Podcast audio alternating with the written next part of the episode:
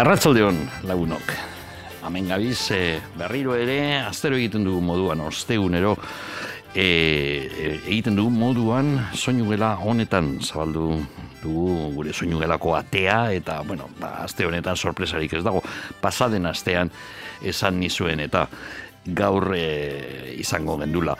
E, Rolling Stones e, taldeak aurten, bueno, pasaden urtearen bukaeran, Blue and Lonesome izeneko disko barria kaleratu dute eta pentsatu gendun egitea olako ba, ikerketa, ba, konparatzeko ikerketa bat, ze disko barrian Blue and Lonesome disko barri honetan guztiak, guzti guztiak amabi kantuak berzinoak direzen ez, haintzineko, bueno, haintzineko berrogeita amariroiko amarkadetan egindako bluesen, e, zera, blues batzuen berzinoak dauz e, disko honetan, eta pentsatu du, bueno, ba, entzungo ditugu Rolling Stonesen e, irakurketa barria, gehi jatorrizko grabazioak, haber zeo zer asmatu duten, edo ba, e, zelan jokatzen duten e, Inglaterrako Rolling Stones taldeak.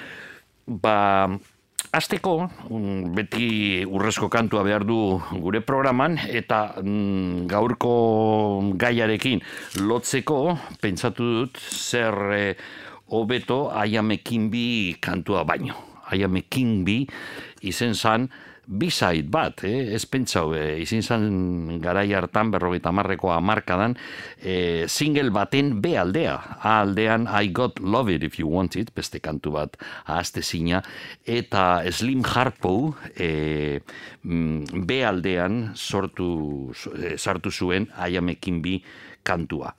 E, bueno, ba, kantu, kantu hau, e, esan behar duguna da, izen arraro badala, ingeles ezagutzen baduzue, edo edo zein hizkuntzetan bi erlea izanik, ez dago erle erregea, erregina bai, baina erregerik ez dago. Hori zera e, gure, gure kantaria, Slim Harpouk, e, egin zuen hori, bera kantatzen zuenez, gizona izanik aldatu zuen e, erlearen, e, erreginaren e, e, generoa sexua eta existitzen ez den e, e, insekto bat sortu zuen King Bee, I am a King Bee. Mila bedatzen eta berrogeita mazazpian grabatu egin zuen New Orleansen Blue e, Slim Harpouk e, kantu hau. Entzun dezagun jatorrizkoa eta gero jarraituko dugu Rolling Stones taldearekin. Well, I'm a king bee buzzing around your hive. Well, I'm a king bee buzzing around your hive. Well, I can make honey, baby. Let me come inside. I'm young and able all night long. I'm young and able to buzz all night long. Well, when you hear me buzzing, baby, some stinging is going on. Well, buzz a while.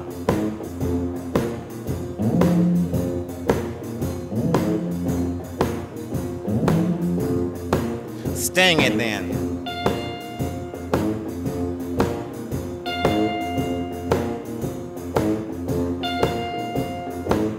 Well, I'm a king bee. Want you to be my queen.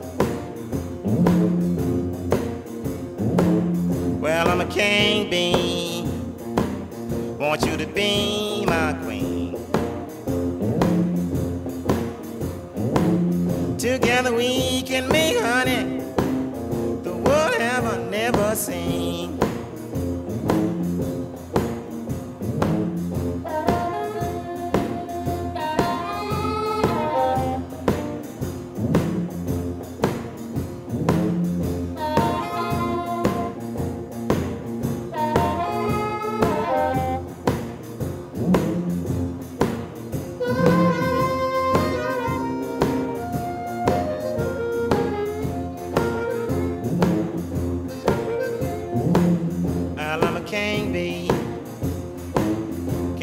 All night long.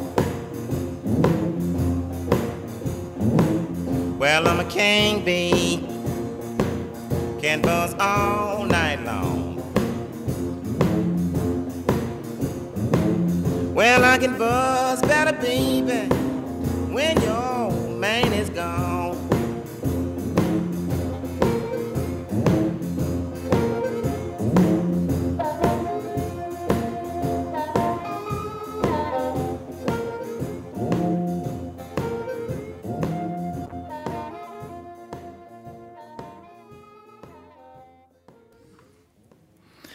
Eto, lagunok, hau da gure gaurko e, urrezko kantua, jatorrizko grabazioa, Slim Harpok, mila bederatzion eta berrogeita mazazpian, Louisianan, e, New Orleansen e, egin zuena.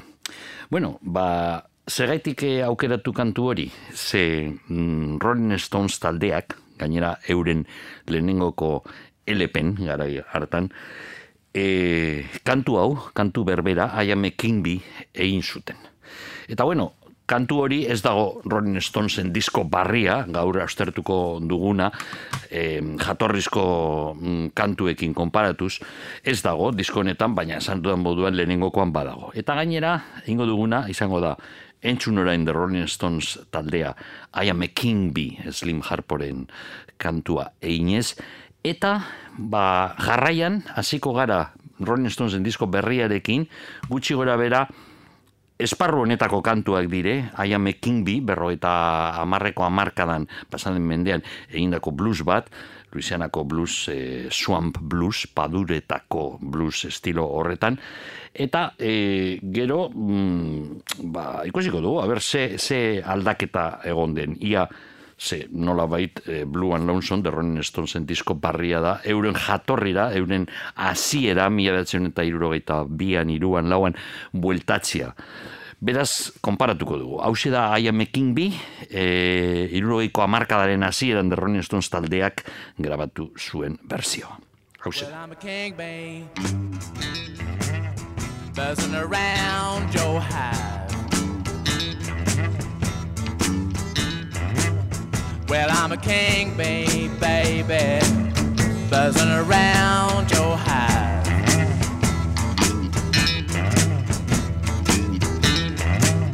Yeah, I can make honey, baby. Let me come inside. Well, I'm a king, babe. Want you to be my queen. Well, I'm a king, babe, baby. Want you to be my queen. Together we can make honey the world has never seen. Well, but a while.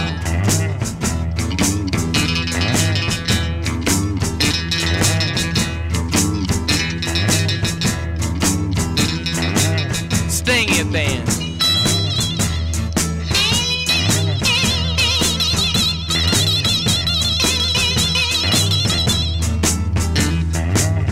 Well, I'm a king, babe.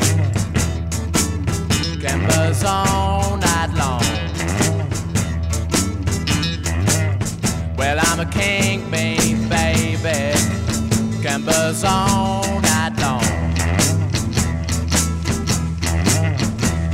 Yeah, I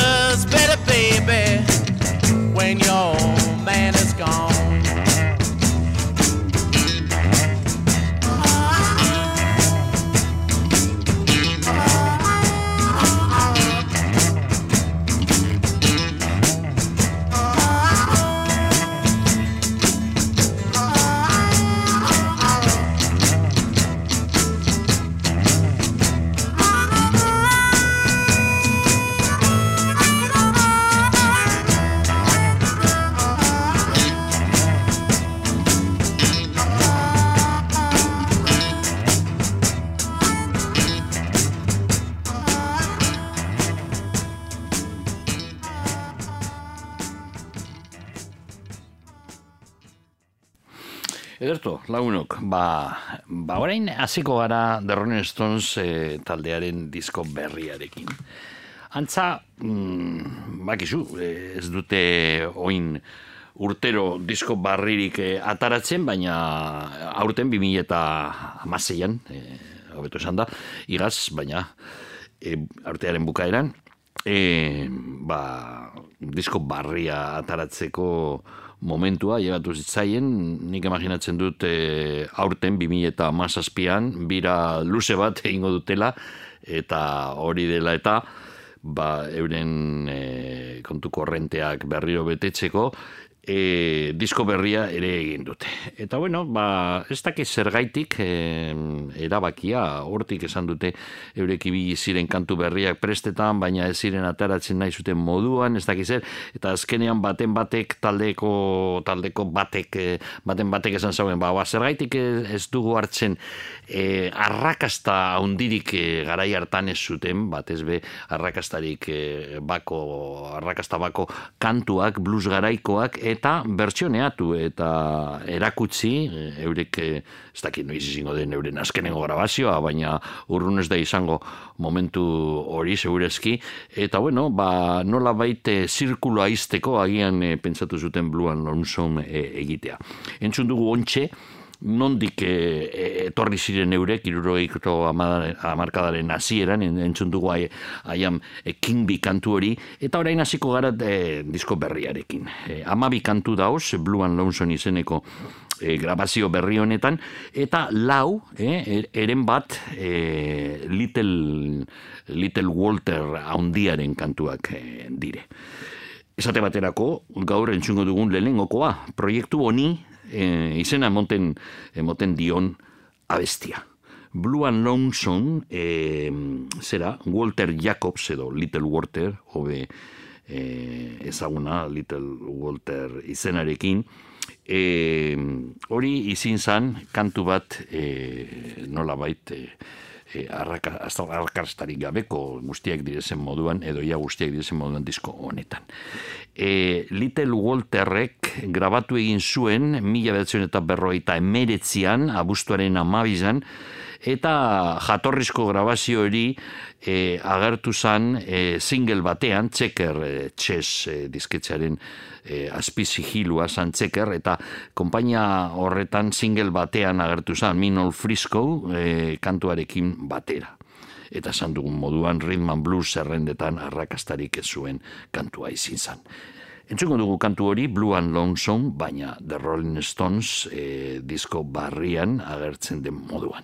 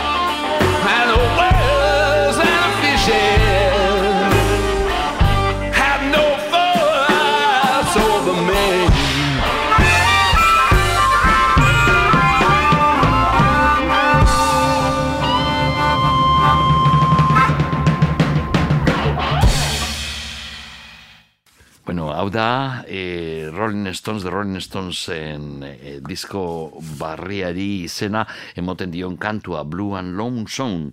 Esan dudan moduan e, kantu hau mm, Walter Jacobsek, e, Little Walterrek, grabatu egin zuen e, mila betzen eta berro eta emeretzian abuztuaren amabizan. Eta orain entzungo dugu berzio hori egia esan egun hartan bi grabatu ziren. Bata singlean agertu sana, entzungo duguna, eta beste bat, antxekoa, egun berean e, grabatu sana, gero Blues with a Feeling LPn agertuko sana. Mm, Esan nahi dut Little Walterren Blues with a Feeling diskoan agertu sana. Bueno, berarekin egon zirenak, e, bi gitar jole, mm, bakizue, Little Walterrek e, kantatzen zuen, eta gainera, ba, itxelesko ahosoinu jolea zan. Bi gitar jole, egon ziren grabazio honetan, Luther, e, Luther Tucker eta Freddie Robinson, basu jolea, Nork izango da, ba, Willie Dixon jakina txez dizketzean, eta George Hunten bateria jolea. Little Walterrek grabatu zauena, mila betzion eta berroita emeritzean, Blue and Lonesome.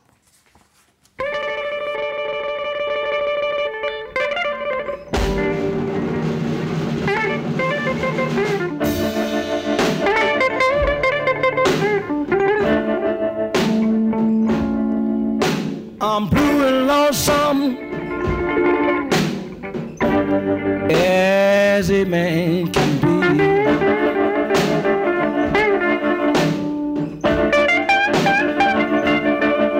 I'm blue and lonesome oh, as a man can be.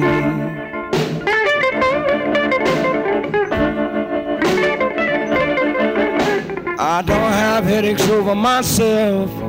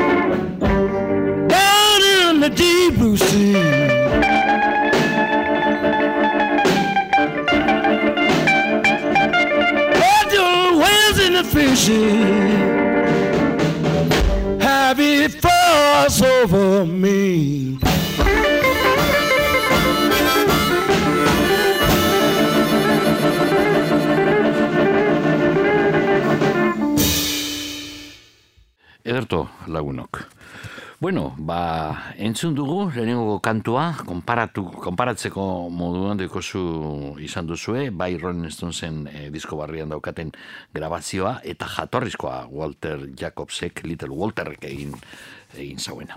Bueno, orain eh, kontrako ariketa egingo dugu. Urrengoko kantua, Rolling Stonesen, eh, Rolling Stonesen disko barrian dagoena, entzungo dugu Ariñao Little Walterren jatorrizko grabazioa, eta gero, oin eh, pasaden urtean egindakoa Rolling Stonesena.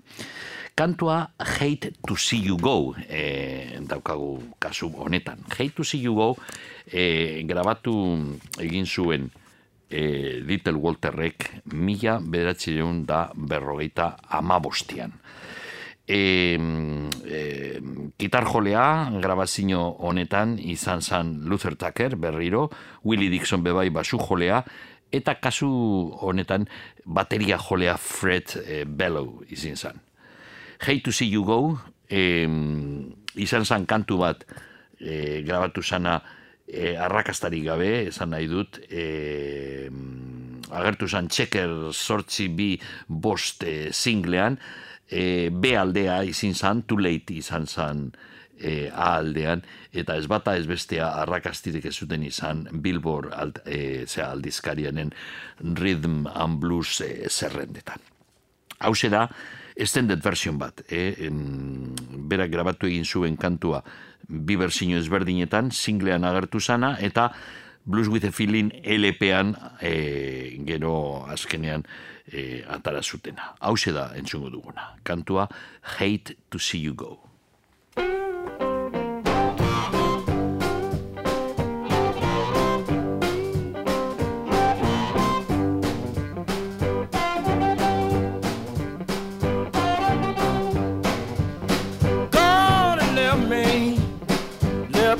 The cry. No, I love her. No, she's mine as I. No, she's mine as I. No, she's mine as I. No, she's mine as I. No, she's mine as I. Came home this morning about half past four. Found that note lying on my floor. Gone away, leave you just don't know. Heard some bad talk, something that you said, something that you said, something that you said. Come on back, baby, honey, please don't go. Where I love you, you'll never know. You'll never know. You'll never know. Kind of baby, you know it so. I have to tell you, you know it ain't no joke.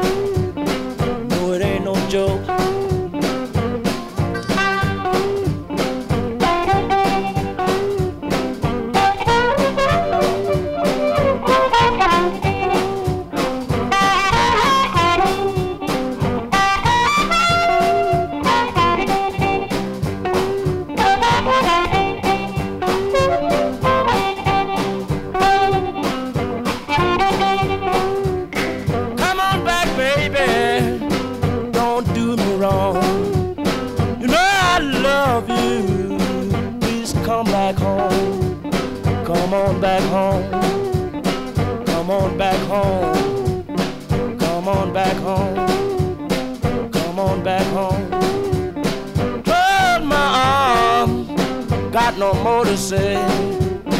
Anything you do, I let you have your way. Let you have your way. Let you have your way. Let you have your way. Now I'm so glad I don't know what to do. Feeling good. Says she coming back home. Says she coming back home. Ain't gonna do her wrong.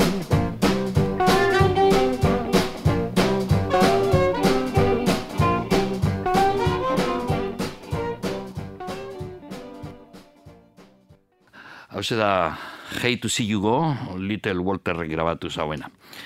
Little Walter izen zan harmonika jole handi bat, baina hori baino garrantzitsuagoa nik uste dut izin zan bere e, ahalmen handia kantuak idazteko, kantuak komposatzeko. Ez dakitia ikusi duzuen, orain urte batzuk e, grabatu zen biopik bat e, Cadillac Records izenekoa, Chess disketxearen historia. pelikula horretan, eh, ez da kriston pelikula, baina bueno, ba, izlatzen da nahiko ondo eh, giro hori sortu zan atzez dizketzean Chicagon eh, Muddy Waters, Howling Wolf, eh, Lil Walter eta abarrekoekin Chuck Berry, Jakina, Bob Diddley, eurek eh, eh, hankaz gora jarri zuten Rhythm and Blues eh, eskena estatu batuetan, eta izan ziren gero eredua eh, rock and roll zuria, zuriarentzat eh, ere bai. Eta Little Walter pelikula horretan e, benetan gertatu zen moduan e, Little Walter daukagun nola bait oso personai garrantzitsua. Horre ikusten da pelikula horretan hiru dire e, zera, Chuck Berry eta Botile alde batera e, itxita, eta asko esatea da hori, ze, ze puska, kantari puska bat izan zen e, e, Chuck Berry eta Bodili bebai, baina Howling Wolf izin zan e, dudarik gabe haundizena. E, ez bakarrik tamainuz, bi metroko gizona, egun da berro eta markilo baino gehiago zuen, erraldoi bat zan fizikoki eta artistikoki eta ba, Muddy Waters nola baita izin zan fidagarriena, e, zintzoena, langiletsuena, mm, bera beti zegoen prese egiteko txesan nahiek esaten zutena, eta, eta nola baite ikusten zuen Howling Wolf inbidia e, berak egiten zuen lan handia, eta bueno, Muddy Watersek azkenean lortu zuen ospege jau Howling Wolf baino, baina berak bazekien Howling Wolf artista moduan handia guazan. Eta hori nola baita agertzen dabe bai pelikula horretan. Eta Little Walter gazteago izanik agertu zan hor eta zan oso persona uh, bizia benetan eta bueno ikusten da pelikula horretan esan isiltzen e, ze arazo handiak izan zituen bere e, eguneroko bizimoduan ez isiltzeagatik eta berak egiten zauen egin behar den moduan segurazki ez da ba, zeo zer pentsatu ezkero berak esaten zauen. Eta eta ez isili e, baltza izanik gainera garai hartan batez be ez e, isildu eta jarraitu zera e, arazoak sortzeko e, Little Walterrek e, grabatu egin zuen berea, hemen e, ekarri dugu bere lan e, guztiek, agertu ziren orain urte batzuk bostedetako e, zera, e, edizio batean, e, eta, bueno, ba, ba ez pentsa, esan egon hainbeste urte, egun da piku, egun da e, hogeita markantu gutxi gora bera garatu zituen, bueno, gitxiago, ze hemen agertzen dire kantu bera bi edo hiru berzino ezberdinetan batzutan, beraz, egun kantu inguru demagun egin zauela, e, kantu hundiak gainera, ikusten da kanto hondiak zirela ze pasatu dire e, irurogei urte bera hilzenetik eta ondino kantu hauek e, dauz hainbeste taldeen errepertorioan Rolling Stones taldeak pasaden urtean grabatu zuten disko barri honetan guztiak berzinoak dire hori esan behar lau Little Walternak e, ziren. Bueno, entzuko dugu Rolling Stones taldea e, Ointxe, entzun duguna Little Walterren berzioa, zelan egin duten disko berrirako. Hate to see you go, daukagu kanta.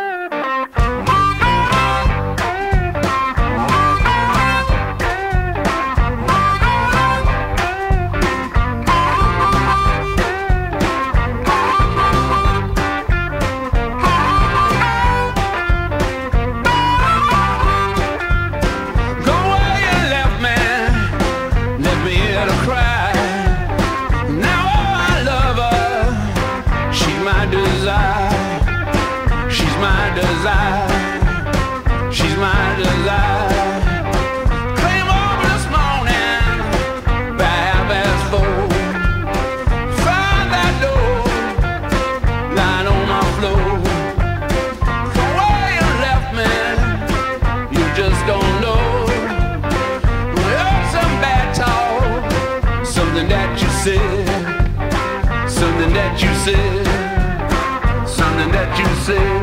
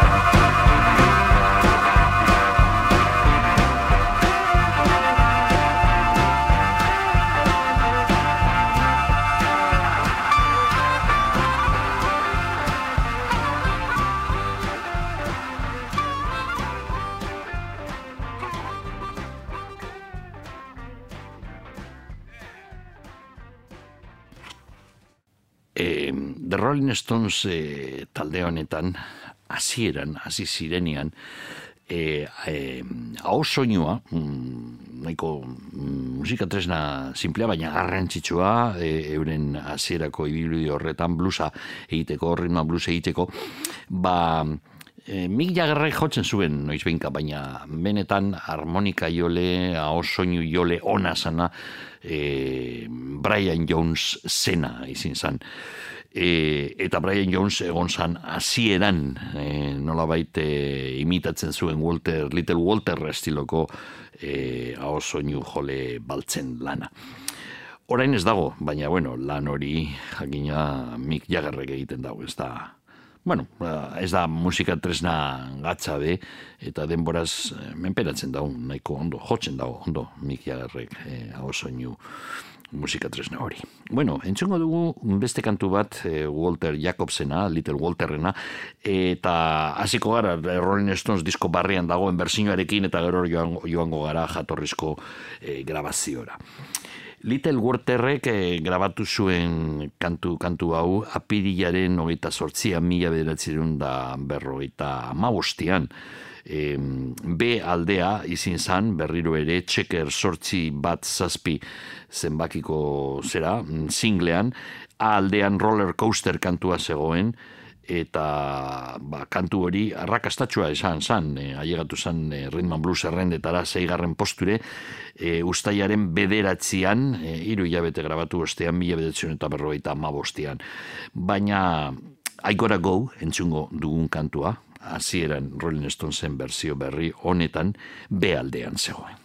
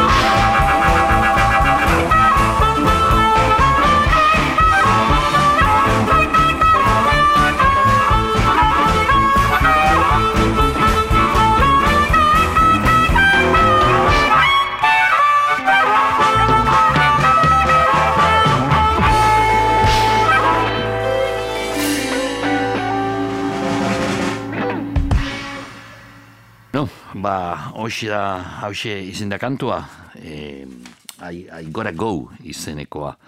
E, entzun dugu, e, grabatu, grabatu zuena e, Rolling Stones taldea, disko barrian, eta orain jarraian single batean, sortzi bat zazpi singlean agertu roller coastera aldean eta I gotta go B aldean. Hau da jatorrizko grabazioa, kantu honen jatorrizko grabazioa. I gotta go. Thank you.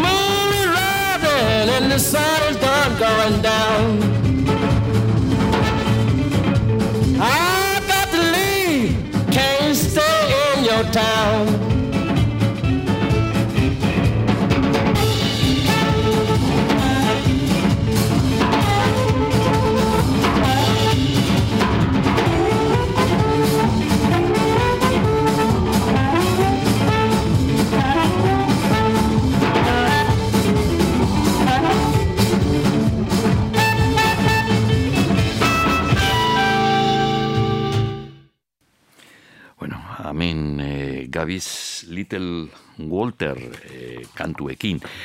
Gaurko programan, The Rolling Stones taldearen disko barria Blue and Lonesome, ia osoa entzungo dugu, baina kasu guztietan konparatu egingo dugu, orain grabatu dituzten e, Inglaterrakoek e, berzio barriak eta jatorrizkoak estatu batuetan bluesmanek grabatu zituztenak e, orain eh, lau bos edo zeia markaretan. E, lehenengoko mm, bo- kantua, entzun duguna izan da Blue and Lonesome, gero izan du Hate to See You Go, I Go to Go izan da irugarrena eta orain laugarrena. Azkenengoa dagoena Rolling Stones disko barriaren e, disko barri honetan azkenengo berzioa Little Walterrena. Just Your Fool kasu honetan daukagu kantua. E, jatorrizkoa Little Walteren grabazioa izan zen mila bedatzen eta irurogeian, abenduan, eta agertu zen Txeker e, ja, e, zera disketxearen single batean, bat zero bat iru e, zanbakia izan zauena, I gotta find my baby izan zan beste kantua eta B aldean Just Your Fool. Arrakastarik ez zuen kantua. Rhythm and Blues zerrendetan gara hartan, naiz eta kantu puska bat izan, Just Your Fool, Little Walterna. Eta jarraian entzungo dugu jakina Rolling Stones eh, taldeak grabatu duten kantu honen irakurketa barria.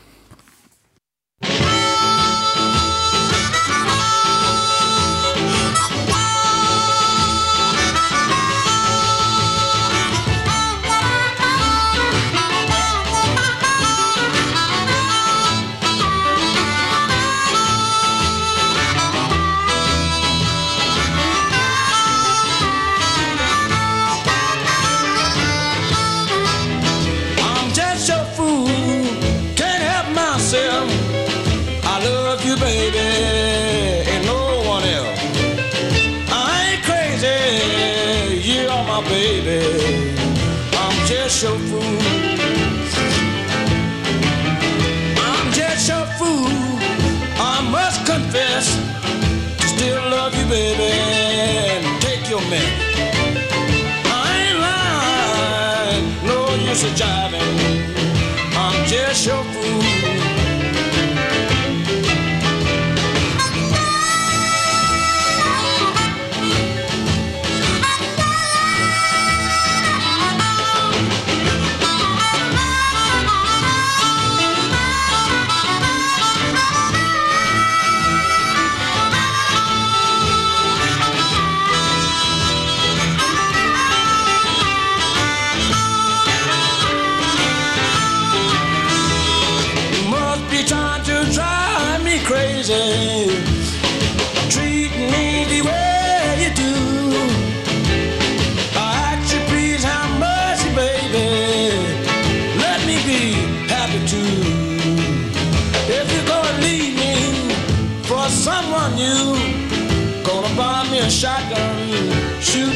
At you.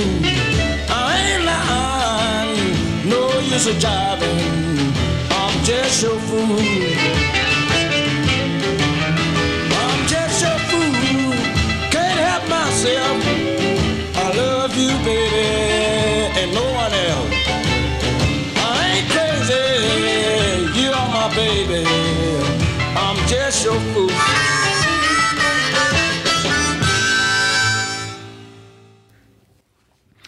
Bueno, The Rolling Stones eh, en, zera, en, disko barri honetan, amen nahil eh, ikusten pitxin bat eh, kredituetan, bueno, ba, The Rolling Stones taldea gaur egun laukote bat da, dakizuen ez, aspaldi da nik gainera, eh, basu, osea, basurik, eh, basu jolerik ez dekon taldia, eh, esan nahi dut taldekide moduan, Mick Jagger kantaria eta soinu jolea, Keith Richards gitar jolea, Ronnie Wood bigarren gitar jolea, eta Charlie Watts bateria jolea.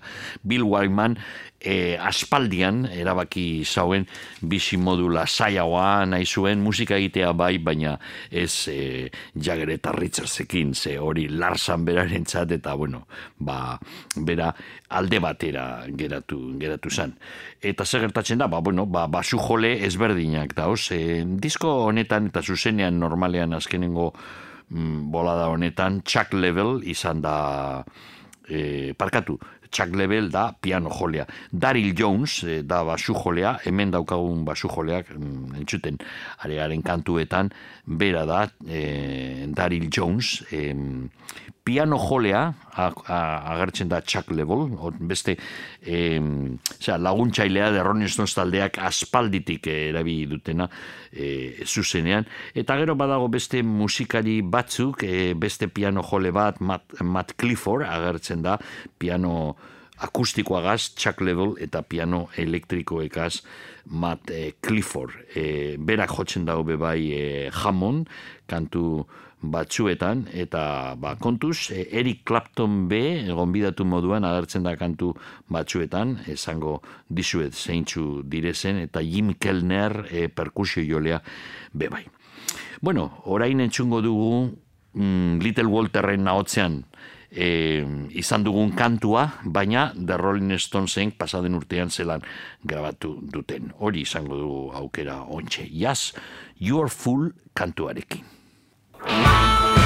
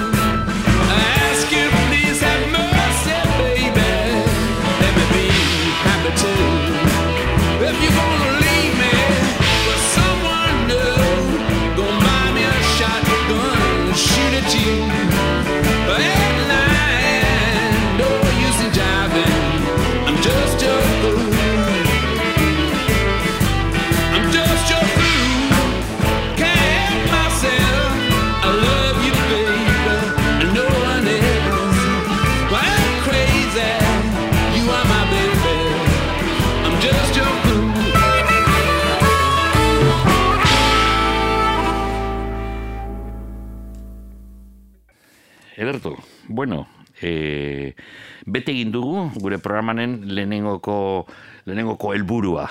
Rolling Stones disko barri honetan dauzen Little Walterren kantuak, lau dire, eta lauak entzun ditugu. Bai, Little Walterren e, zelan berro eta marreko irugeiko amarkadetan zelan grabatu zituen ikusteko, eta oraingo berzio barriak The Rolling Stones taldeak egin dituena. Bueno, bukatu da Little Walter, baina disko honetan Blue and Lonesome, The Rolling Stones disko berri honetan, badaoz beste kantu haundi batzuk. Lighting Slim, hasieran programaren hasieran urrezko kantua izan dugu, eh, Slim Harporen I am a Kimby. Eta bueno, ba, estilo berekoa, Sun Blues estilo horretan, Louisiana, New Orleans, zegoen beste eh, gitar joleta kantaria handi bat, Lighting Slim izin zan. Lighting Slimek grabatu egin zuen Hoodoo Blues, baina entzungo du hasieran The Rolling Stones eh, disko berri honetan dagoen berzioa, eta gerotxoago joango gara Lighting Slimekin.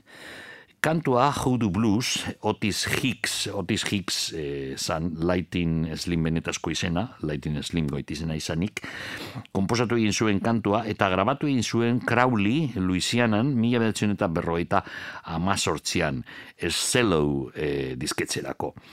Izin zan A aldean, single batean, It's Mighty Crazy izeneko beste kantuarekin e, Lighting e, Slimek e, bakarrik izan zuen e, hit bat e, bere ibilbide osoan e, Rhythm and Blues e, zerrendetan, Rooster Blues izeneko kantua, baina kantu hau, entzungo duguna Judu Blues arrakasta gitxi izan zuen momentu hartan. Dena den, hasiko gara de Rolling Stones taldearen berzioarekin, e, Judu Blues e, kantuarena, eta gero izango du Lightning Slim bera.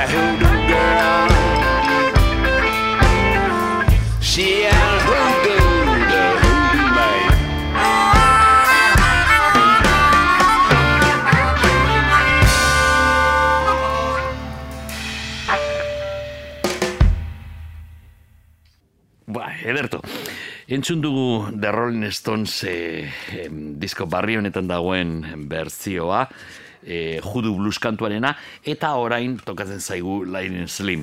Bai Slim Harpo, bai Lightning Slim eta Whispering Smith, ba, ba ziren bost sei musikari ez, ez zelo disketzean, kriston e, grabazioak e, egiten zituztenak e, ba, berro eta amarreko amarkadan. Eta Line Slim, eta gainontzekoek be bai, lortu zuten esaten zan Swan Blues paduretako bluesa, badakizue Louisianan padurak e, badauz e, gure beste. Eta mm, soinua, e, bai Line Slim, bai e, Slim Harpok eta Barrekoek lorten zutena, basuen zeo zer, mm, zera, ba, asimilatzen zana padurekin, eh? soinu, soinu, zelan esan, oso densoa, oso, oso beteta, eta era berean oso afrikarra. E, izan ziren nik uste dut berrogeita amarreko amarkadan blues e, kantari eta e, jotzailerik eta onenetarikoak Luisianako alde honetako.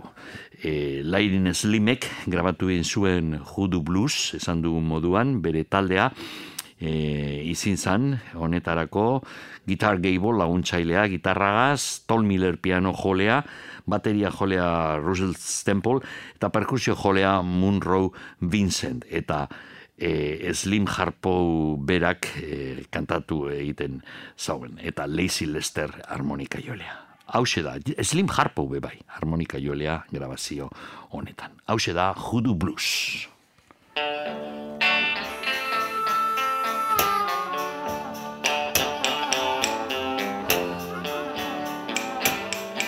Now when your woman start acting funny and begin to running around, you'd better get you somebody cause she's fit to put you down. Better let her go. Man, just as quick as you can. Because that hoodoo girl is going to hoodoo the hoodoo man.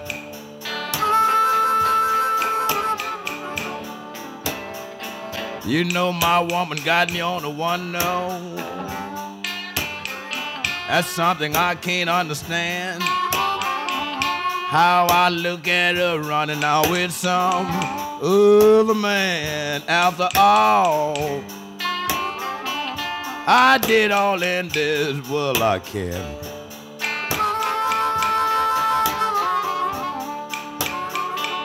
But this little hoodoo girl, she done hoodoo the hoodoo man. Well, blow your harmonica, son. Yeah, she got me hoodooed. She take all my money and spend it all over town. And when I want to love a man, she ain't can't be found. I walk and cry, drying tears away with my hand.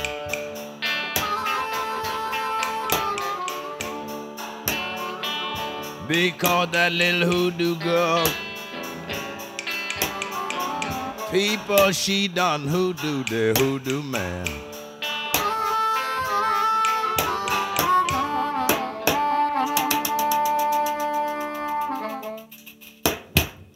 Bueno, e, gure urrengonko kantua, e, Otis e, Rasek e, grabatu egin zuen, eta The Rolling Stones taldeak hartu dute disko berri honetarako. Agian, Blue and Lonesome e, disko berri honetan, jatorrizko mm, arrakasta izan zauen kantu bakarra agian, aikan Quit You Baby izenekoa. Otis Rasek grabatu egin zuen kantu hori mila bedatzerun eta berro eta e, amaseian e, e, kobra labelen txat. Eh?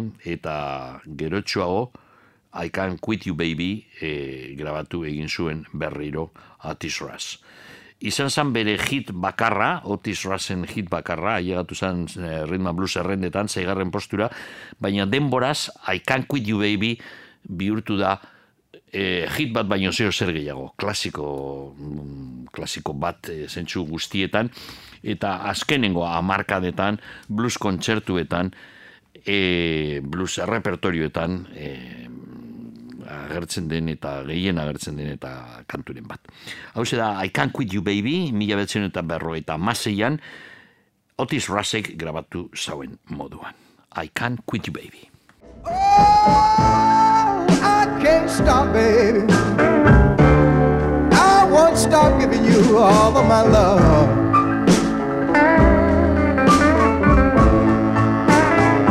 I, I won't stop, baby. I won't stop giving you all of my love.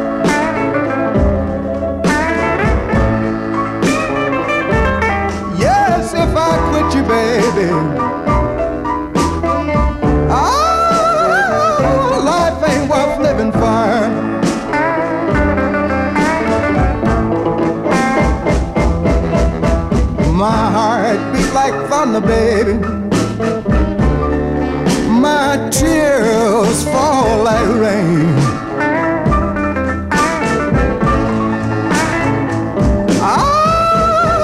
Oh, my heart beat like thunder, baby. Baby, my tears fall like rain.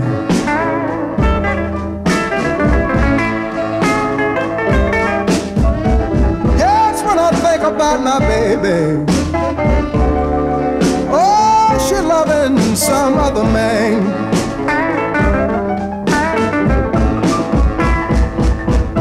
I'd rather eat deli parson, baby. I'd rather jump from the Empire State.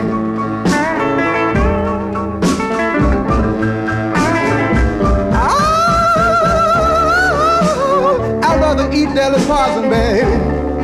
I'd rather jump from the Empire State.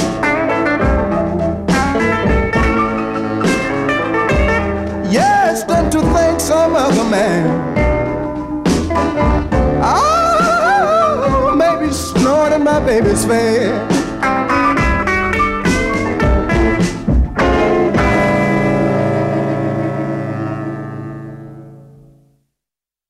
Bueno, eta kantu bera, I Can't Quit You Baby, ezin zaitut utzi lastana, izeneko kantua, entzungo dugu, baina The Rolling Stones berriaren, disko barrian dagoen moduan. I Can't Quit You Baby.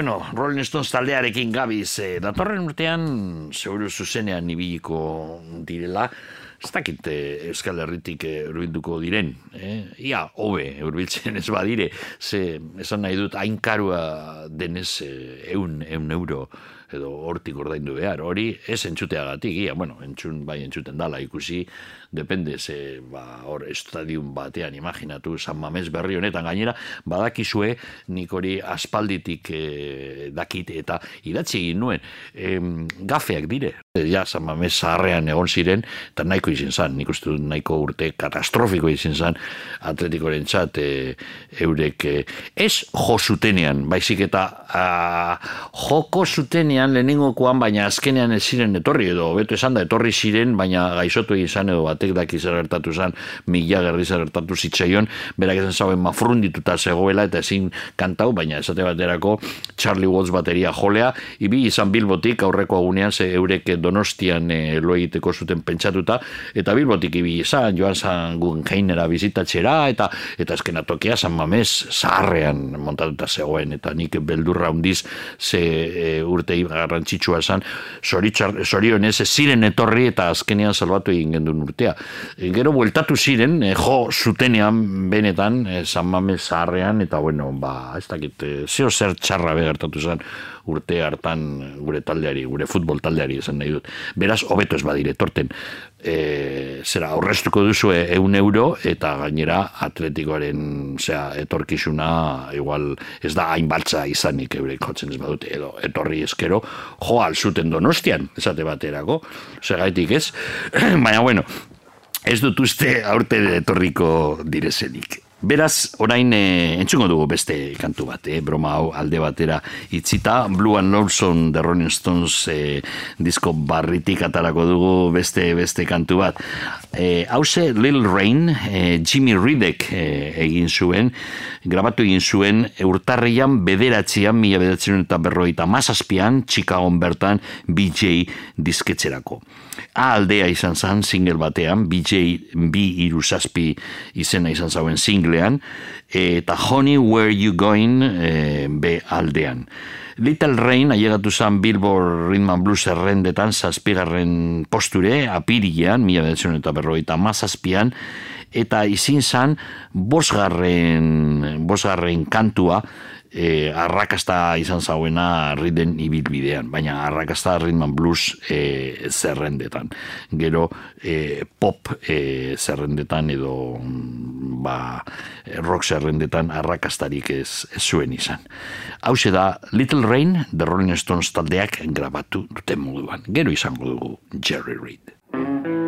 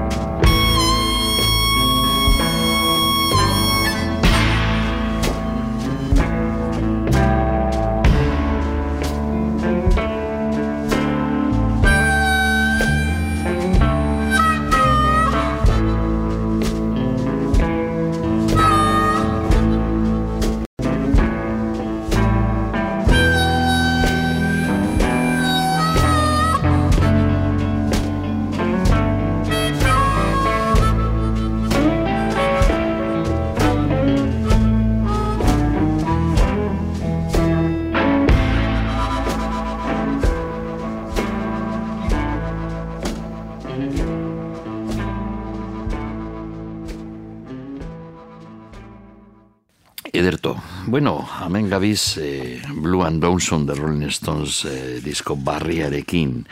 E, bueno, a- hemen e, liburuzkan agertzen dire eurek esan dako gauza batzu grabazio berri grabazio berri honeta e, honi buruz. E, adibidez, Keith Richardsek e, zijoen e, disko honetaz, hause musika erreza da, ba, mm, iruditzen da, e- erreza dela egitea, baina askoz komplejua da benetan. Eta nondik dator hau dana, zijoen e, Keith Richardsek. Mick Jaggerrek e, esan zauen, disko hau, Blue and Lonesome, mila betzen eta iruro, eta iruan edo lauan grabatzeko aukera izan zuten e, olako zeo zer.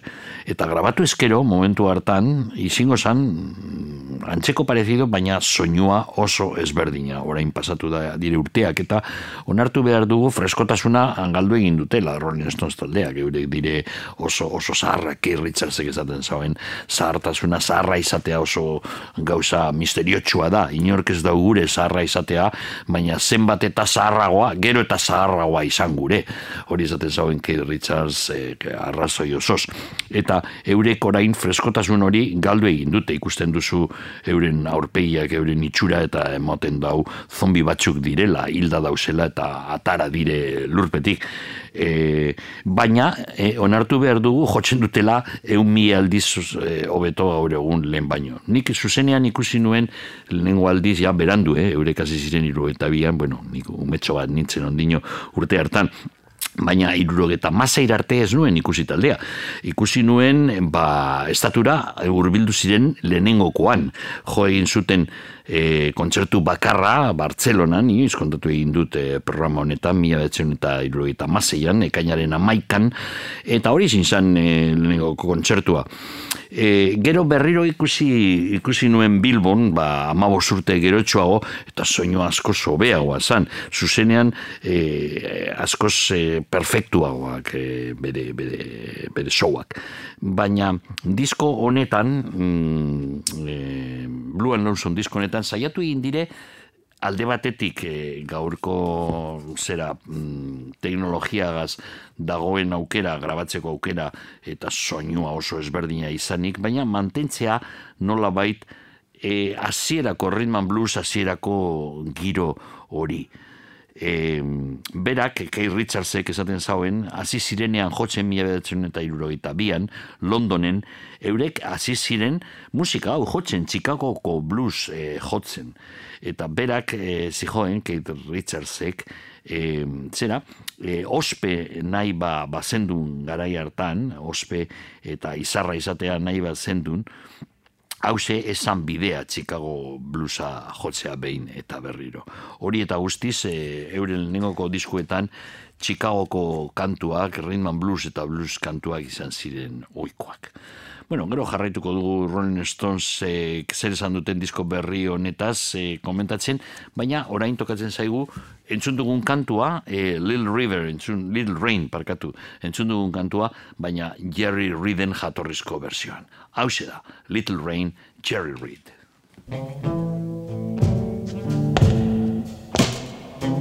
Little rain falling, little cloud in time. A little rain falling,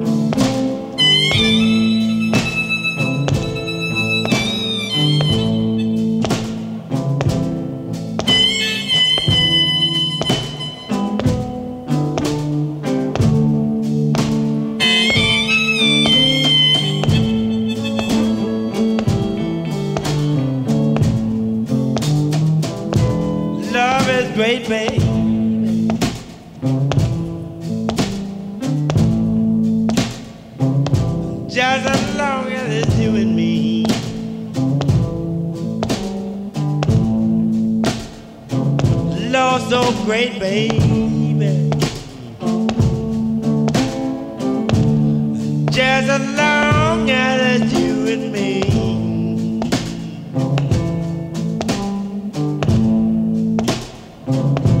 Even I can stand a lawyer, baby. Underneath the deep blue sea. Bueno, eh, Howling Wolf eh, haundia, haundia da. Haundia san, hobeto esan da.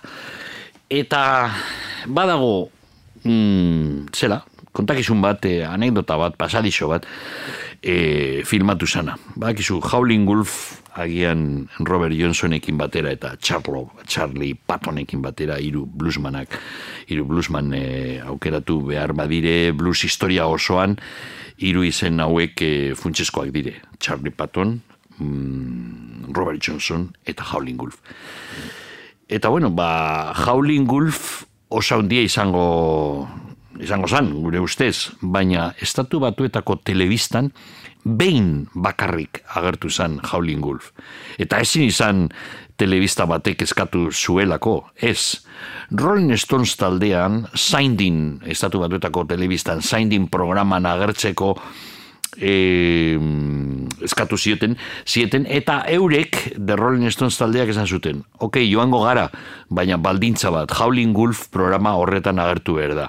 Eta horrexegatik daukagu Howling Wolf filmatuta telebista estudio batean. E, bestela, eta hori da bakarra, eh?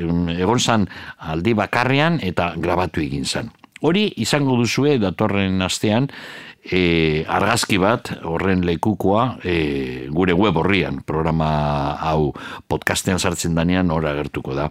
E, bideotxo bat e, I am a King Bee e, Slim Harporen kantua eta argazki bat non ikusten da Rolling Stones taldea. Ez jotzen baizik eta jentearen artean estudioan e, ikusten Howling Wolf zelan kantatzen zuen eta hori benetazko espektakulo haundia zan Howling Wolf zuzenean ikustea. Bueno, badagoz disko honetan bi kantu Howling Wolfena, mm, biak ez ditugu entzungo, baina bat bai. Entzungo dugu Rolling Stones taldea eta gero Howling Wolf.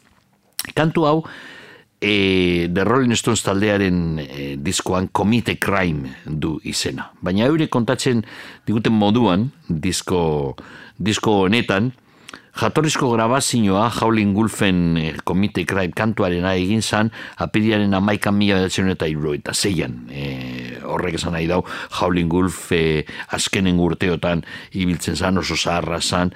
Baina bera, e, mm, grabatu egin zuen Comite Crime kantua oinarrituta berak ere aurretik egindako beste kantu batean. Eta kantu hori I am leaving you grabatu egin zan mila bedatzen eta berroita mazortzian, sortzi urte aurretik. E, agertu zan txez disketxean bat zazpi bat bi singlean eta arrakastarik zuen izan, naiz eta kantu haundia e, izan. Comite Crime, Rolling Stonesen irakurketa berria entzungo dugu, baina harin hau nahi dut Howling Wolf eh, haundiak, haundia entzutea. Bera grabatu egin zuen, mila beratzen eta berrogeita amazortzian, iraian, eta berarekin batera Haber Sumlin, gitar jolea egon zan, espiliri bateria jolea, eta Housley Kenar piano jolea. Garai hartan berarekin aritzen zirenak. Eta Howlin Gulf jakina kantarie eta kantuaren egia. Hau da, I am living you, grabatu zan moduan. Well, it may be in the morning. I don't know. I don't know, baby, just how soon, but I'm leaving.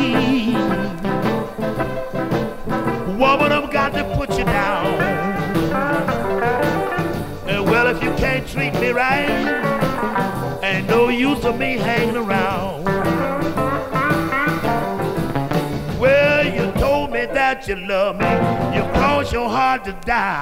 But I found out, so baby, bye bye.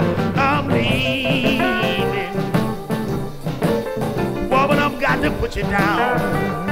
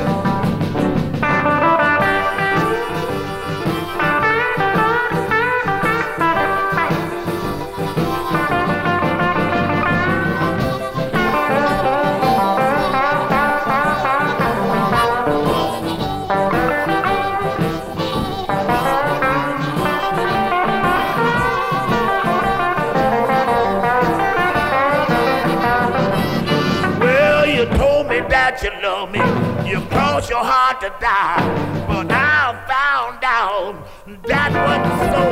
I'm leaving. Woman, I've got to put you down. Well, if you can't treat me right, there's no use of me hanging around. I said early in the morning when I arrive, you're laying there rolling your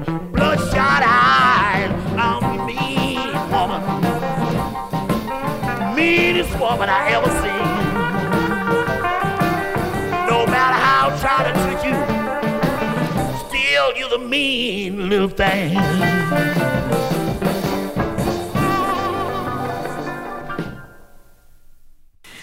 Bueno, ba, Mick Jaggerrek esan zuen pasaden urtean, e, Blue and Lonesome disko hau, berzioz betetako disko hau grabatu zanean, harin hau gu grabatu, inoiz e, ez gendu grabatu disko hau moduen. Errepertorio agian bai antzekoa egon zan euren ibilbidearen hasieran, baina berak esaten dauen moduan, euren lehenengoko grabazioan, lehen entzun dugu Ayame Kingby, grabazio hartatik, euren lehenengoko, gure lehenengoko grabazioan, baita, esan zuen Mick Jaggerret, overdubs batzuk eh, egon ziren, horrek esan nahi dau, esan estudioan egindakoa, baina zen benetazko zuzenezkoa. Eta hau bai, nabaritzen da, ibonek eh, lehen eh, gure teknikariak esan dau, beti begi zorrotza, esan dau, hau, eh, moten dau zuzenean grabatuta dagoela, eta bueno, estudio batean, baina bai, zuzenean, argi, argi dago. Grabatu egin zuten amabi kantuak, hiru egunetan, mila, bi mila eta amabostean, abenduaren amaikan, bost kantu, ama, abenduaren amalauan, sei kantu, eta hurrengoko egunean, abenduaren amabostean, kantu bat. Eta esan zauen Keith Richardsek, naiz eta e, amabi kantu bakarrik grabatu hiru egunetan izen zan oso nekargarria e, ariketa hori, hori zuzenean grabatu egin zuten imaginatu e, harina prestatu berzioa eta gero zuzenean zuzenean izingo balitzu moduan eskenatoki batean baina estudioan e, bertan. Bueno, entzungo dugu kantu hori e, Howlin Gulfena eta gauza bat esan behar dut, e, Howling Wolf agertzen danean emoten dau beste kantari guzti guztiak txikerrak direla. E, entzun dugu Howling Wolfen abotzean kantu honetan, I am living you esan bere kanturik eta ondienetarikoa, baina kantu honetan be eta emoten dau mm, geratzen zara e, arrituta, e, nondik datorren abotz hori otzo ulukariaren abotza. Bueno, Rolling Stones taldeak ez dire Howling Wolf bezain onak duderik gabe eta eurek badakite, baina saiatu egin dute kantu hau egiten I am leaving you, baina gero Howling Wolf berak erreformatu zauen moduan kantua Commit a Crime e, izenarekin. Hau da.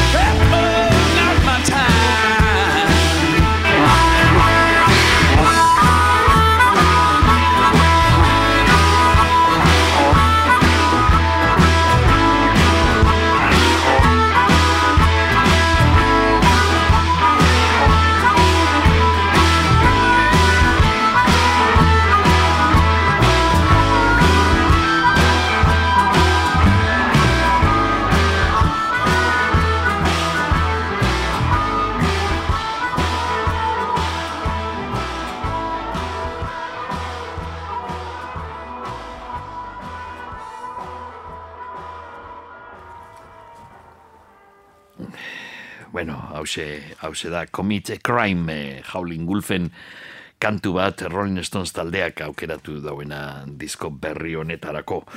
E, Charlie Watts bateria jolea, grabazio honetaz, 2000 eta ko abenduan egin zan, grabazio honetaz zijoen, ez da kontu teknikoa, emozionala baino, eta berak zijoen, one of the hardest thing of all is to get that feeling across, beraz, gauzarik eta gogorrena da, emozio hori transmititzea grabazioan.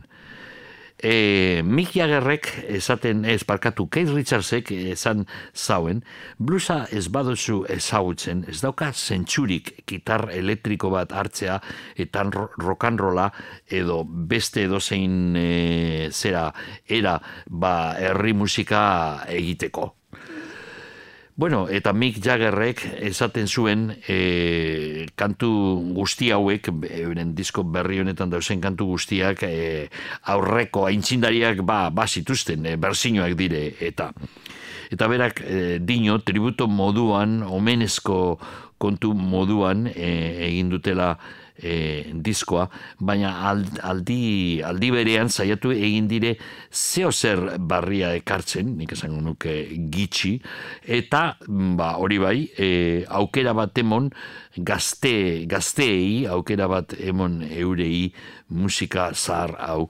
ezagutzeko. Bueno, ba, mm, amabi kantu dauz, nik uste dut momentuz bederatzi entzun dugu eta kantu bat gehiago. Dana e, ez sortzi entzun dugu eta bederatzi garrana entzungo dugu. Eta itxiko dugu hiru kantu ikutu barik. Gure urrengoko kantua Magic Sam handiaren repertoriotik dator All Your Love. Eta ingo dugu gauza bat, e, mm, Magic Sam berak bi aldiz grabatu egin zuen kantu hori. Grabatu egin zuen mila bedatzen eta berroita amazazpian, bere leheningoko e, grabazioan, kobra disketzerako, eta gerotxoago, irurogeiko amarkadan grabatu egin zuen berriro kantu hori Delmark e, disketzerako Chicagon. Ekarri ditugu biak viniloetan gainera, vinilo, bi viniloetatik entzungo ditugu. Lehenengokoa, mm, All Your Love kantuaren lehenengoko berzioa, grabatu zen Chicagon, mila bedatzen eta berrogeita mazazpian, eta Magic, eh, Magic Sam, Sam Maggot bere benetazko izena, Magic Sam kantaria eta gitar jolearekin batera, musikariak izan ziren Little Brother Montgomery, piano jolea, Mac Thompson, basu jolea, Willie Dixon, kontrabasu jolea, eta Billy Stiffney, bateria jolea. Hau da, All Your Love, mila bedatzen eta berroita mazazpian, Magic Samek grabatu zuen moduan.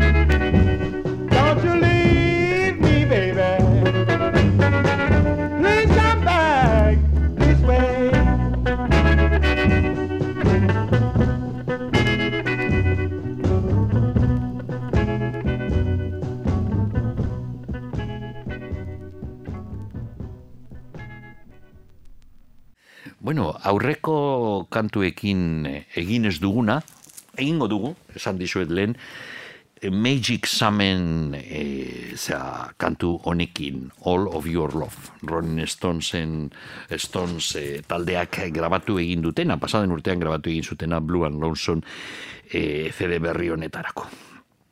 E, Magic Samek grabatu egin zuen berroita mazazpian, mila eta berroita mazazpian, entzun duguna, eta irurogeiko amarkadan, mm, urtea ziurrez nago, guztut, e, irurogeita mairuan, baina ziurrez nago, eh?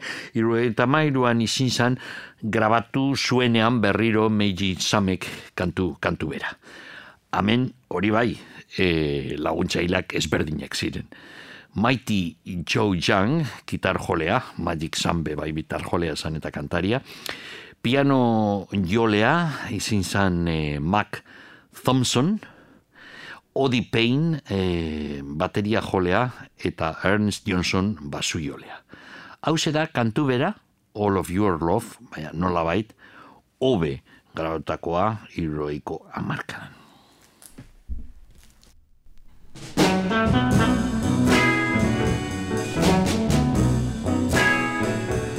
All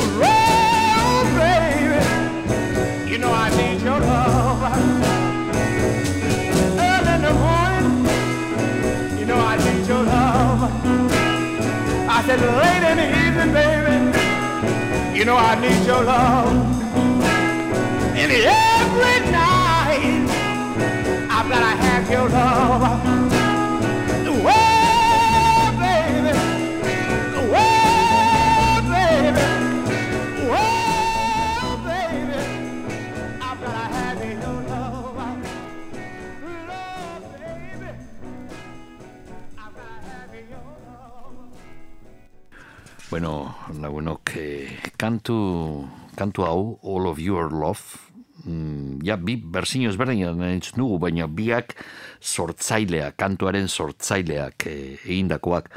Lehenengokoa, mila behatzen eta berroita mazazpian, All of Your Love e, kantuarena, kobra izeneko dizketzerako, eta bigarrena, lehen ez nengoen ziur, mila behatzen eta irrogeita zazpian, amar urte beranduago, grabatu zan, Chicagon bertan Delmark dizketzerako. Hori da, ontxe entzun duguna. Eta orain, e, Blue and Lonesome, The Rolling Stones taldearen mm, zera, disko barrian dagoen grabazioa. Bos minutukoa, luzetxo apur bat luzeagoa da, eta, e, bueno, hause izin zan e, Magic Sam e, Samen kantua eurek e, aukeratu dutena disko honetarako. Hause da.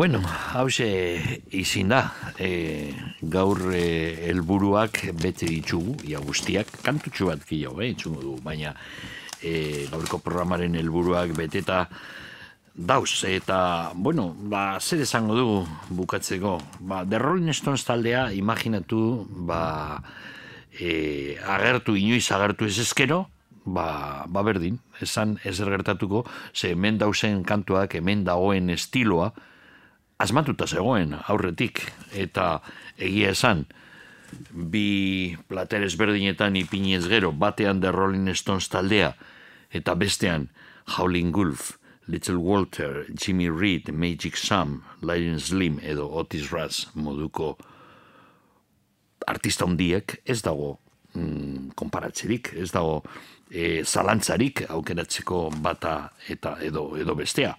Howling Wolf, Little Walter, Jerry e, Reed eta abarrekoek egin zutena, hor dago, betiko. Rolling Stones taldea, bueno, eurek eh, divulgatzaileak, eh, zabaldu egin duten dei hori, baina deia eurena esan Howling Wolf, Little Walter, Jimmy Reed eta abarrekoen deia zan. Bueno, ba, bukatzeko zer egingo dugu, hasieran ba, betetzeko, e, izteko zirkulu hori joango gara de Rolling Stones taldearen euren hasiera. Eta bertan, bertan, izango dugu kantu bat, euren hirugarren diskoa izin zan hau, iruro eta bostean, estatu batuetan kaleratu zan, hirugarrena The Rolling Stones Now, eta bertan zegoen Little Red Rooster, Little Red Rooster, hori da oio, e, gorri tzikerra, Little Red Rooster, kantu bat Willie Dixonek egin zauena eta Howling Wolf handiak kantatzen zuena. The Rolling Stonesen hasieran, euren hasieran, aukeratu egin zuten kantu hori. Momentu hartan, Howling Wolf ondino bizik zegoen, gero desagartuko zan, baina The Rolling Stonesen eh, eskutik eta beste talde askoren eskutik eh, Howling Wolf betiko izango du bizirik gure artean. Hau da, Little Red Rooster.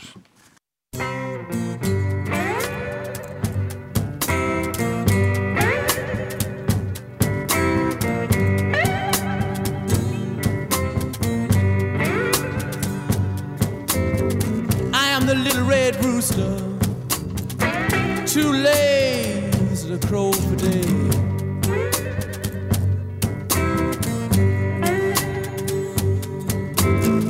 I am the little red rooster, too lazy to crow for day.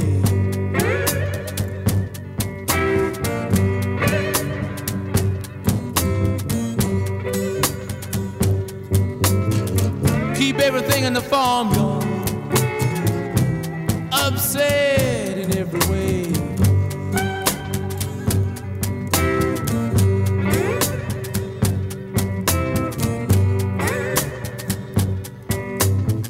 The dogs begin to bark, hounds begin to howl.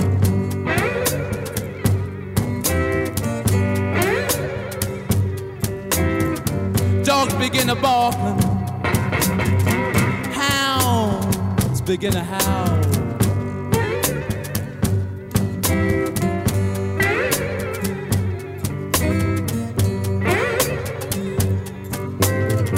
Watch out, strange camp people, little red roosters on the prowl.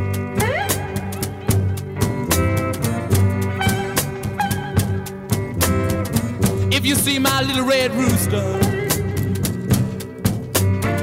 please drive him home.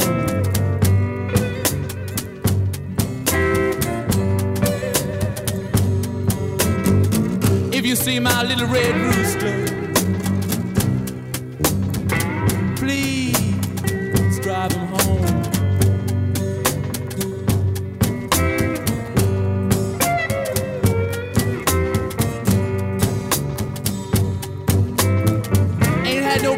farmyard.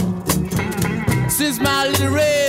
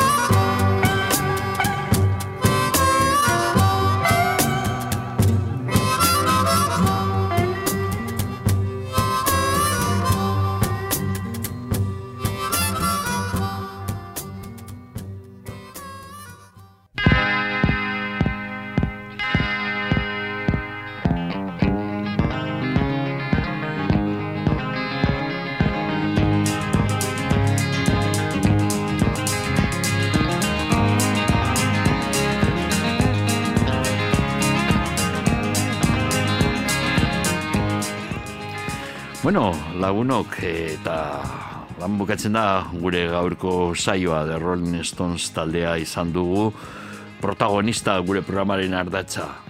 Bai, bueno, agian ez, bai entzun ditugula bederatzi kantu amabietatik azkenengo, euren azkenengo grabazioan dausenak, baina gure gaurko protagonistak benetazkoak Jagger Ritzer eta abarrekoak izan barik beste batzuk izan dire. Howling Wolf, Little Walter, Otis Rush, Lightning Slim, Jerry Reed eta abarrekoak. Eurek bai benetazko maizuak.